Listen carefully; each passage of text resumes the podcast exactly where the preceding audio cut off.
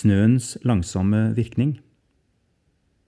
Når tungsinn, nedstemthet og depressive tanker tar all energi, er det bare selvopptattheten som blomstrer. Jeg hadde hørt ordene fra Jesaja 55, 10-11 mange ganger. Likevel hadde jeg ikke helt skjønt hva de betydde. For lik regn og snø som faller fra himmelen og ikke vender tilbake dit før de har vannet jorden, gjort den fruktbar og fått den til å spire, gitt såkorn til den som skal så og brød til den som skal spise, slik er mitt ord som går ut av min munn. Det vender ikke tomt tilbake til meg, men gjør det jeg vil, og fullfører det jeg sender det til. Denne kvelden satt jeg i sofaen hos Tor Olav og Katrine. Vi var samlet til cellegruppe. I en krevende livsfase var samlingene i dette husfellesskapet noe jeg trengte. De hadde vært sammen med meg noen vinterdager før.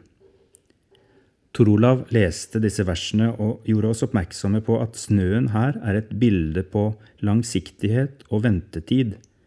Jorden kan ikke gjøre nytte av snøen før våren kommer og temperaturen stiger i luften. Noe av den snøen som da smelter, trekker ned i jorden. Omsider får den lov til å gjøre sin virkning. Den vanner gjør den fruktbar og får jorden til å spire i samarbeid med alle de andre faktorene som utgjør vekstprosessen. Slik er mitt ord som går ut av min munn. Det vender ikke tomt tilbake til meg, men gjør det jeg vil, og fullfører det jeg sender det til.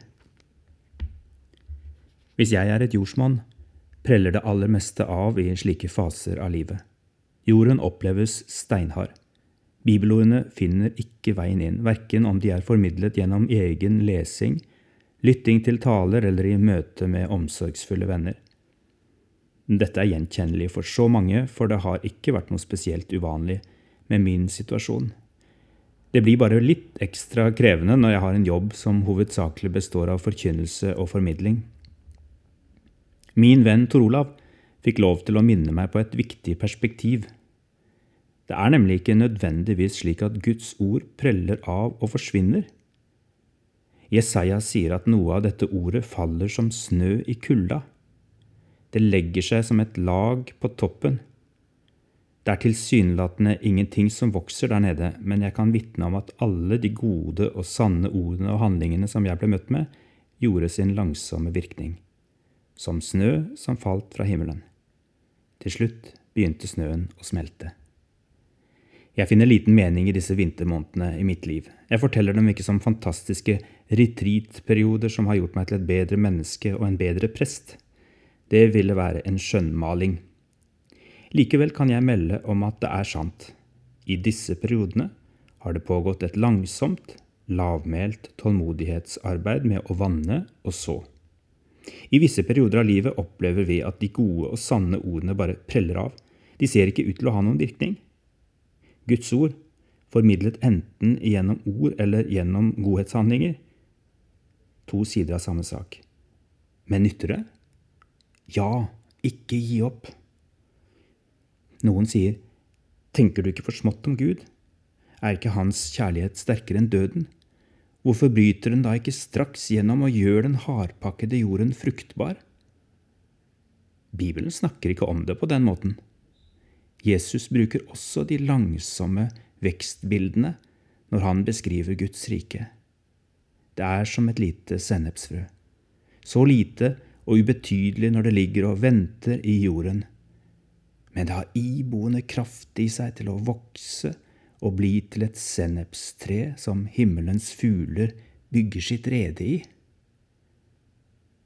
Kanskje blir dette bare fine ord for deg nå. Helt i orden det er fortsatt like sant og virkelig. Det avhenger ikke av dine følelser eller ditt mottaksapparat. Ordene skal få legge seg som snø på overflaten og trenge inn i rett tid, i Guds time, og bære frukt.